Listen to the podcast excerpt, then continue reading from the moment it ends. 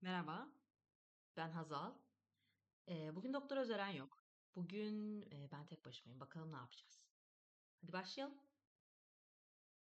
Şimdi bugün Arthur Miller'ın müthiş eseri The Crucible konuşacağız. Türkçe Cadı Kazanı olarak çevrildi. Bu arada kesin var ya ismini yanlış telaffuz ediyorum. Yani Crucible'ı muhtemelen yanlış telaffuz ediyorum ama neyse artık idare edin. Cadı Kazanı'nı konuşacağız. Bence çevrilmiş ismi de çok güzel. Cadı Kazanı Eee, ya oyun zaten çok güzel. Oyun aslında birazcık diğerlerinin bir tık gölgesinde kalıyor diğer Arthur Miller oyunlarının. Mesela işte Death of a Salesman'a, satıcının ölümüne göre eee, biraz geride kalıyor. Ama aslında ilginç bir şekilde bence bu Arthur Miller'ın en global oyunu. En global oyunu. Yani bunu okuyup ya da izleyip de bu olaylar Türkiye'de geçmiyor, Çin'de geçmiyor, ne bileyim işte eğer bir Atlantis'te dirilebilirse bir yerlerde Atlantis'te geçmiyor ya da Truvalı dirilebilirse Truva'da geçmiyor diyemez. Bu olaylar dünyanın her yerinde geçiyor. Sanki Arthur Miller çok böyle nasıl diyeyim çok derinde ve herkesin yaşadığı ortak bir derdi bulup yazmış gibi. Diğer tabii ki bütün oyunların işte çok global bir dert anlatıyor falan ama bu oyunda böyle bir e, ekstra bir şey var gibi hissediyorum ne bileyim Death of okuduğunuz zaman işte ya da izlediğiniz zaman ben en azından öyle bir his alıyorum. Ee, biraz böyle o zamanki Amerika'yı bilsek iyi olur gibi. Ya da işte ne bileyim e, evet yani birazcık o zaman Amerika'yı bilsek o lafların nereden geldiğini daha iyi anlayabiliriz gibi hissediyorum. Fakat bu oyun gerçekten zaman ve mekandan çok bağımsız bir oyun. Aslında çok zaman ve mekanla e, iç içeymiş gibi görünüyor ama aslında hiç değil. Ve zaten bunu da e, National Theatre'dan izledim ben. Bu beraber izledik Doktor Özeren'le. Ee, aslında bu da çok spesifik bir yerde geçiyor. Salem'de cadı zamanında geçiyor ama aslında inanılmaz global bir konu ve National Theatre'dakiler de bunu böyle yapmışlar. Oyunun başında mahallenin kızları olarak işte bir sürü kız çıkıyor. Hepsi kendi aksanıyla konuşuyordu. Yani hepsinden İngiltere'nin başka bir yerinden bir aksan duyduk. Hatta yanılmıyorsam bir tanesi Amerikalıydı. Emin değilim ama. Yani onlar da bu oyunun globalliğine bir vurgu yaptılar. En beğendiğim şeyi söyleyeyim. En beğendiğim şey kesinlikle perdeydi. Yağmurdan, evet yağmurdan perde yapmışlardı. Perde kapanmak yerine yağmur yağdırmışlardı. Böyle ince bir yağmur yağıyordu. Ve inanılmaz güzel görünüyordu. Yani o kadar böyle bir de tabii anlatılan konu da çok böyle kasvetli olunca falan o, yağmur, o suyun yere düşüşü, o yere düşüş sesi, ya inanılmazdı. Bir de yere düştüğü yeri de görebiliyoruz sahnede. Onu nasıl yapmışlar bilmiyorum. Oradan su artık nereye akıyorsa muhteşem akıyor. Yani sanki böyle şey de değildi. Ne bileyim hani suyun çıktığı yeri görmüyoruz. Suyun gittiği yeri de gör, düştüğü yeri de görmüyoruz değil. Böyle yere yağmur gibi düştüğünü de duyuyorduk. Ve harikaydı. Gerçekten yani gördüğüm en iyi tiyatro perdelerinden bir tanesiydi herhalde. Veya yani harikaydı. Diyecek hiçbir şeyim yok. Harika, muhteşemdi. Teşekkür ediyorum kim yaptıysa. Tabii National Theatre'ın çok parası var. E, biletler de çok pahalı. Ben bunu şeyden izledim. Sinemadan izledim. Live from Theater diye geçiyor. Bu işte kısıtlı bir süre yüksek kaliteyle bunu şeye veriyorlar. Sinema sinema perdesine veriyorlar. Biz sinema perdesinde izliyoruz. Ondan sonra da National Theater at Home app'ine geliyor. Ee, ben genelde ben gitmeyi tercih edebiliyorum eğer gidebiliyorsam. O zaman ekonomik durumumu ve e, zamanı uydurabilirsem. Çünkü gerçekten Ultra HD geliyor. Bu da öyleydi. Öyle izledim. Onun için o yağmurdan da ekstra etkilendim. Yani odadaymışım gibi etkilendim. Tabii bir de e, dekor siyah. Sinema salonu siyah. Yani onda yardımcı oldu. Ve yağmur sesini de özellikle güzel çekip bize hissettirdiklerini düşünüyorum.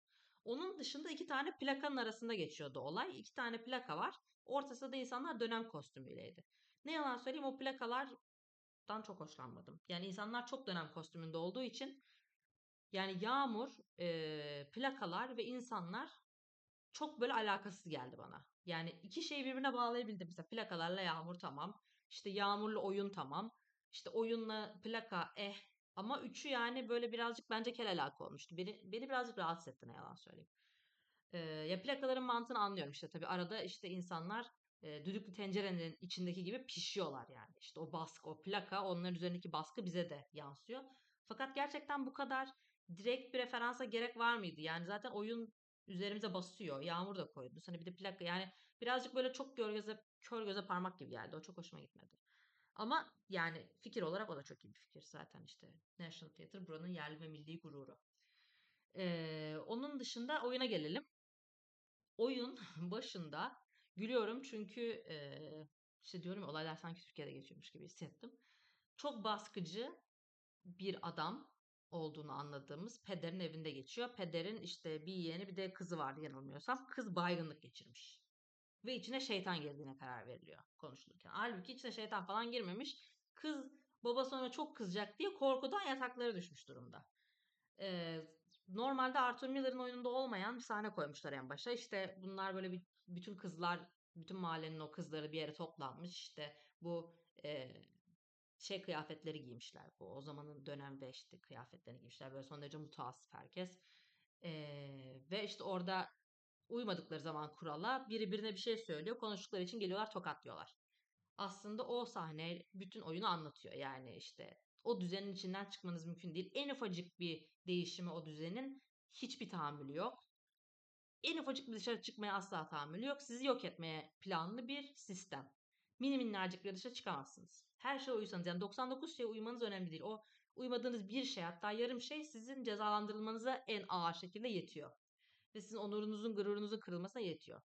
Burada da benzer bir durum var. Şimdi o sahneden sonra baygın kızı görüyoruz. Zaten yanılmıyorsam karakterlerden bir tanesi senin hiçbir şeyin yok. Sen sadece babandan korkuyorsun diyor yanlış hatırlamıyorsam. Abigail olabilir. Ya öyle kız baygın işte geliyor şeyler geliyor papazlar geliyor birileri geliyor işte abi kızın içinde işte şeytan kaçmış falan diyorlar. Ee, Abigail korkudan altına yapmak üzere. Abigail nasıl bir kız? Abigail orada e, kafası çalışan o kadar baskılamalarına rağmen e, içinde bazı şeyler ölmemeyi başarmış hayat dolu bir kadın aslında. Genç bir kız. Genç bir kadın. E, fakat kızı travmatize etmişler. Kaba tabirle manyak etmişler kızı. Neden olduğunu söyleyeceğim şimdi. Yani zaten birazcık kaşı gözü tuhaf bakıyor. Abigail'i oynayan kişi The Crown'da genç prenses, ay kimdi? Charles'ın kardeşi. Anna mıydı? Anne miydi? Prenses Anne yanılmıyorsam onu oynayan kişi. Ee, iyi bir oyuncu zaten. Ama burada daha iyiydi bence The Crown'dan. Yüz kat daha iyiydi. Ve Abigail'in de hakkını vermişti. Abigail'in o sıkışmışlığını, e, nereye gideceğini bilemeyişini, ne yapacağını yani o durum, o delirişini, sahte delirişini, gerçek delirişini hepsini çok güzel oynamıştı. Ben çok beğendim. En beğendiğim oyunculardan bir tanesi Abigail'di. Hatta galiba bence en iyi oyuncu kesinlikle Abigail'di. Ee, sonra işte olaylar olaylar gelişiyor ve şu ortaya çıkıyor. Abigail bu yatakta yatan kız ve bir grup başka mahallenin genç kızı ormana gidip şeytan çağırma gibi bir ayin yapmışlar. Ve şeytan çağırmadan kastlar aslında eğlenmek istiyorlar. Yani o nasıl diyeyim o içinde bulundukları baskı düzene karşı kendi kendilerine çocukça şey yapıyorlar. Karşı çıkıyorlar. Çok çocukça bir yöntemle. Zaten hepsi çok genç yani. Salak salak işler yapıyorlar doğal olarak. Ve bu yaptıkları şeyin de birazcık oyun, işte birazcık baş kaldırı falan filan diye böyle bir şeytan çağırma işine giriyorlar. Bu olay işte o anlatıyor biraz, bu anlatıyor biraz ortaya çıkınca e, tabii şey o kadar din baskısı olan bir toplumda bu korkunç bir ceza. Abigail de başına gelecekleri anlayıp işte ben şeytanı bilmem kimle gördüm, şeytan bilmem kimleydi falan diye ortaya atıyor kendini. Ve e, işte şeytan onu sanki şey, ruhlar onu ele geçirmiş de işte şeytanından haber veriyormuş gibi kendini ortalara atıyor. Ve herkesi kendine inandırıyor. Ee, o an yani ister istemez biraz gülümsedim. Bizde ya tabii dünyanın her yerinde var ve her zaman varmış. İşte Arthur Miller yazıyor ne bileyim Çinli bir adam okudum. Bu olaylar Çin'de geçiyor demiş. Ee, yani her yerde tabii insanın doğası bu. Başına bir şey geleceğini anlayınca suçu atıyor ama bu atma şekli yani işte nasıl diyeyim gel toplumun hassasiyetine dayanarak o an içinde bulunduğumuz topluluğun bir şekilde yırtmaya çalışmak bana çok Türk bir davranış gibi geldi. Bu arada dinle falan hiç alakası yok bu söylediğimin. Ee, tabii burada olaylar dini bir pencerede geçiyor ama bu yani biz bunu dinle ilgili yapmıyoruz yani sadece. Bu bizim her konuda böyle yapıyoruz gibi hissettim. Ama görünen o ki diğer toplumlarda yapıyormuş. Neyse Abigail işte kendini ortaya atıyor. Ben şeytanı bilmem kimle gördüm falan diye böyle. Ve herkes e, inanıyor. Ve cadı mahkemesi kuruluyor. Ve Abigail ve bir grup kız transa geçmiş gibi yapıp milleti asıp astırıp kestiriyorlar. Evet kelimenin tam anlamıyla onu şeytanla gördüm, bunu şeytanla gördüm diye diye milleti astırıyorlar, ipe gönderiyorlar. Ee, bu arada bir tane rahip var. İşte o birazcık daha böyle gerçekten dini prensiplere inanıyor. O kalpten e, ya gerçekten inanan bir Katolik. Bunu böyle şey için yapmıyor. İşte daha çok güç elde etmek için falan yapmıyor. Kalben inanıyor o prensiplerine ve işte kilisenin ona verdiği değerlere kalben inanıyor. Fakat e, o da bir saatten sonra şey diyor yani e, beyler biz yanlış yaptık sanki burada bu böyle olmasa bu kızlara inanmasak mı falan diyor. E, ama tabii o da ya ne yalan söyleyeyim aslında iyi bir karakter ama oyuncu çok kötü olduğu için hiçbir bağ kuramadım. Yani gerçekten inanılır gibi değil. Hani bu kadar parası olan bir tiyatro bu oyuncuları nereden buluyor? Niye daha iyisini seçmediler? Ne oldu? Ne bitti? Oraya nasıl geldi? Yani akıl alacak bir şey değildi. Hani kötüydü yani gerçekten kötü. Diyecek hiç maalesef pek iyi bir şeyim yok. İşte çok basit bir iki şeyi iyi yapıyordu. Geri kalan her şey felaketti. Bir de çok uzundu, çok rol vardı. Yani e, ya sabır çektik bol miktarda. Bir de Abigail'in yanında da tabii çok kötüydü. Sonra gelelim Proctor'a. Proctor bunun e, aslında düğümün bağlandığı karakter. Proctor reis. Kendi bu arada Proctor'u e, filmde Daniel Day-Lewis oynamış. Onun için daha ben onu izlemedim. Bilerek izlemedim bu podcast yapmadan. Çünkü biliyorum ki Daniel Day-Lewis bu muhteşem oynayacak ve ben ondan sonra Daniel Day-Lewis'le bu adamı kıyaslayıp bu adamı hiç beğenmeyeceğim. Bu adamı bu haksızlığı yapmak istemedim. Çünkü Daniel Day-Lewis insan değil. E, gençliğinde çok yakışıklıydı. İşte çok iyi bir oyuncu. E, takıntılı diyorlar. Yani e, herhangi biri Daniel Day-Lewis'in karizmasıyla ve becerisiyle ve şeyle derinliğiyle yani karakterlere verdiği derinlikle kıyaslamak istemiyorum. Böyle Daniel Day-Lewis olayım deyince Daniel Day-Lewis olunabilecek biri değil. Fakat izlememe rağmen Daniel Day-Lewis'in bu performanstan 100 kat daha iyisini yaptı. Ya 100 kat demeyeyim. Kaç kat diyeyim? 5 kat daha iyisini yaptığına eminim. Ve 5 kat derken aşağı doğru 5 katman daha gittiğine eminim. Ee, burada Proctor olayı ne? Proctor evli, maddi durumu iyi bir adam, orta yaşlı. Abigail eskiden onların evinde çalışıyormuş. Ha bu arada evet böyle bir olay var. Mahallenin kızlarını köle gibi bir yerlerde çok küçük paralara e, o mahallenin evlerinde çalıştırıyorlar. Proctor Abigail'a yatmış. Karısı var hala. Karısı biliyor durumu. Öğrenince karısı durumu e, evden atmış Abigail'ı. Proctor da kendini karısını affettirmeye çalışıyor ve suçlu hissediyor kendini. Tabii Abigail'ın biz sonradan bunu öğrenince görüyoruz ki e, Abigail'ın birazcık dikkati dağıtmaya da ihtiyacı var. Çünkü bu Proctor'la olan mesele evden, e, ortaya çıkarsa yandılar. Yani zaten insanlar ufak ufak sorular soruyorlar. Proctor'un karısı neden neden attı diye.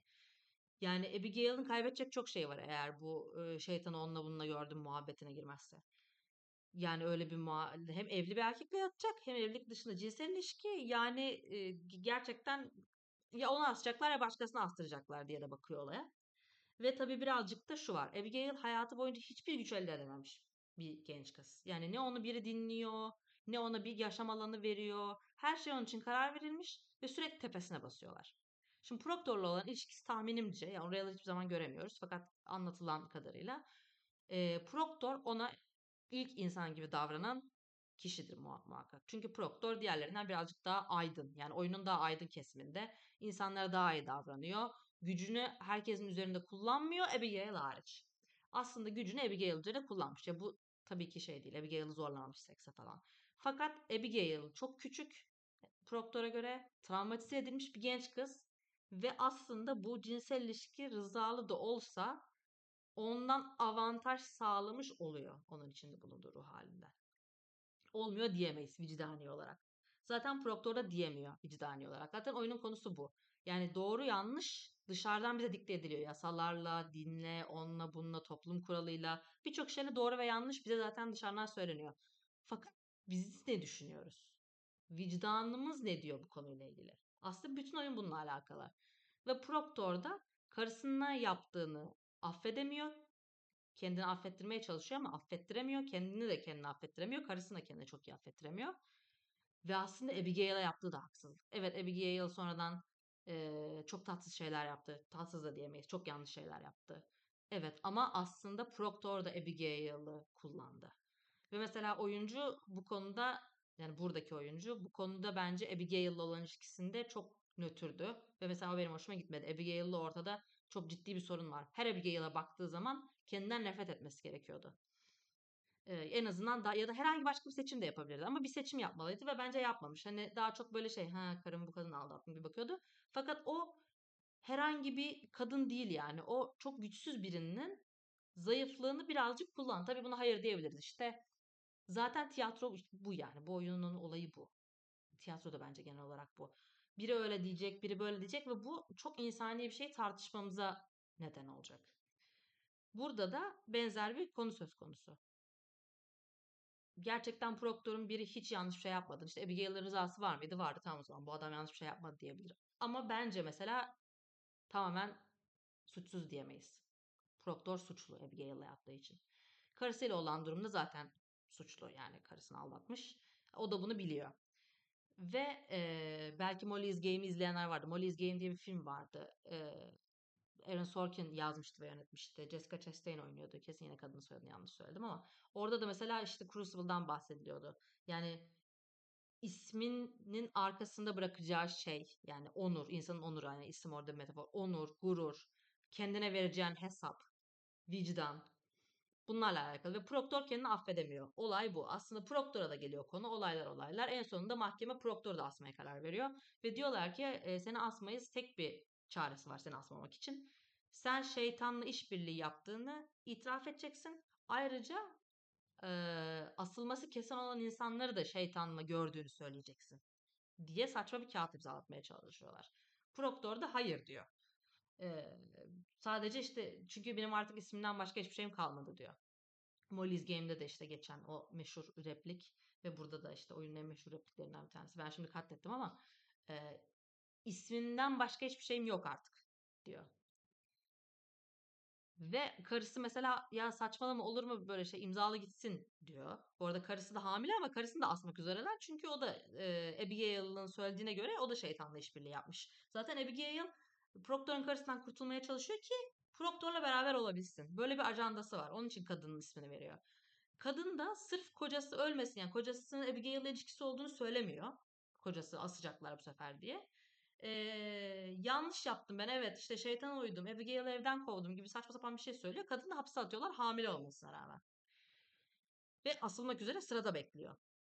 Ee, Proctor itiraf ediyor işte meşhur sahnede o bir orospu ben bununla yattım sahnesinde. Bu arada o sahnede de çok kötüydü oynayan oyuncu. Yani hiçbir fenalıklar geldi.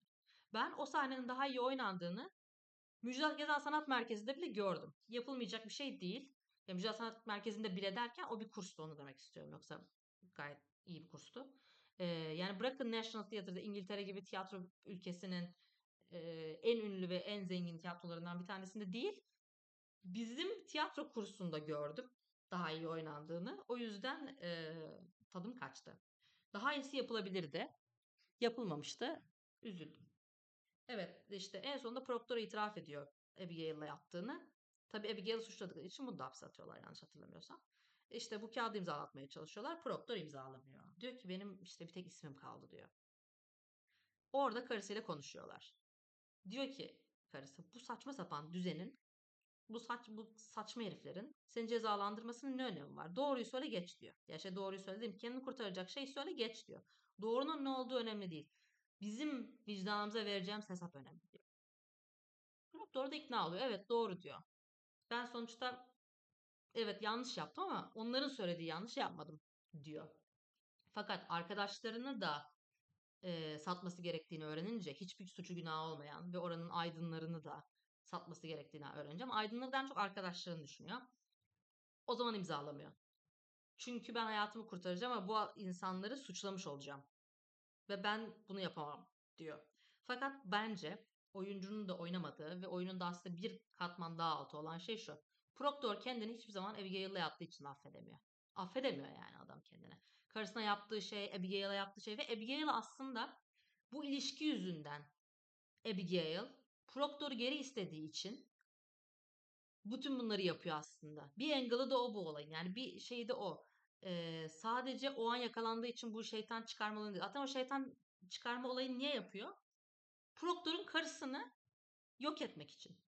Yani aslında bütün bu olanlar Proctor'un suçu. Proctor Abigail'la yatıyor. Abigail e, evden kovuluyor ilişki öğrenilince. Sonra Abigail Proctor'un karısından kurtulmak için abuk subuk işte şeytanlı bir şeyler yapıyor ormanda. Ve ondan sonra bu saçmalık ortaya çıkıyor. Yani aslında her şey bir nevi Proctor'un suçu. Ee, böyle işte. Yani ee, diyeceğim bu. Ve Proctor kendini affetmiyor bunun için. Ve aslında haklı. Bütün bunlar evet bütün bunların suçlusu Proctor değil ama fitili o ateşledi ve daha iyisini bilmeliydi. Daha iyisini yapmalıydı. Daha sorumlu olmalıydı. Evet bu kadarın bu kadar şeyin başına geleceğini, böyle bu kadar saçmalanacağını, işte yüzyıllar sonra Salem Cadı Avı diye bir şey olacağını tahmin edemezdi elbette. Yine de bunu yapmamalıydı. Yani zaten çok avantajsız olan, zaten herkesin üstüne bastığı bir kızdan böyle bir avantaj sağlamamalıydı orada. O da üzerine basmamalıydı ve bastı. Ve bence Proctor bu yüzden de kendini affedemiyor. Tabii oyuncu bunu oynamamıştı. Yine içime fenalıklar geldi. Ya tabii bu da bir seçim yani. Yo bence Proctor öyle değil denebilir ama işte onun yerine bir şey konması lazım. Yani bir katman aşağı, bir katman aşağı, bir katman daha aşağı gidince tiyatro daha zevkli oluyor bence. Ee, onun için oyuncuları bunu yapmaya davet ediyorum. Lütfen bir katman daha aşağı. Ee, öyle. Ay yani Doktor Özer'in olmadan kendi kendime konuştum. Çok da keyifli olmadı ama denedim. Bakalım. Ee, evet Crucible böyleydi. Yakında Good'a gideceğim. David Tennant'ın e, Good diye bir oyunu. İkinci Dünya Savaşı'nda geçiyor.